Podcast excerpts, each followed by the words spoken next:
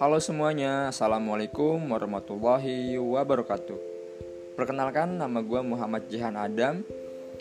Biasa teman-teman panggil gue dengan panggilan Zeyan ataupun Adam. Meskipun dua panggilan yang berbeda, tapi secara wujud gue tetap satu ya guys, tidak ada dua. Usia gue 24 tahun, usia yang sangat rentan apabila ditanyakan perihal status kapan menikah.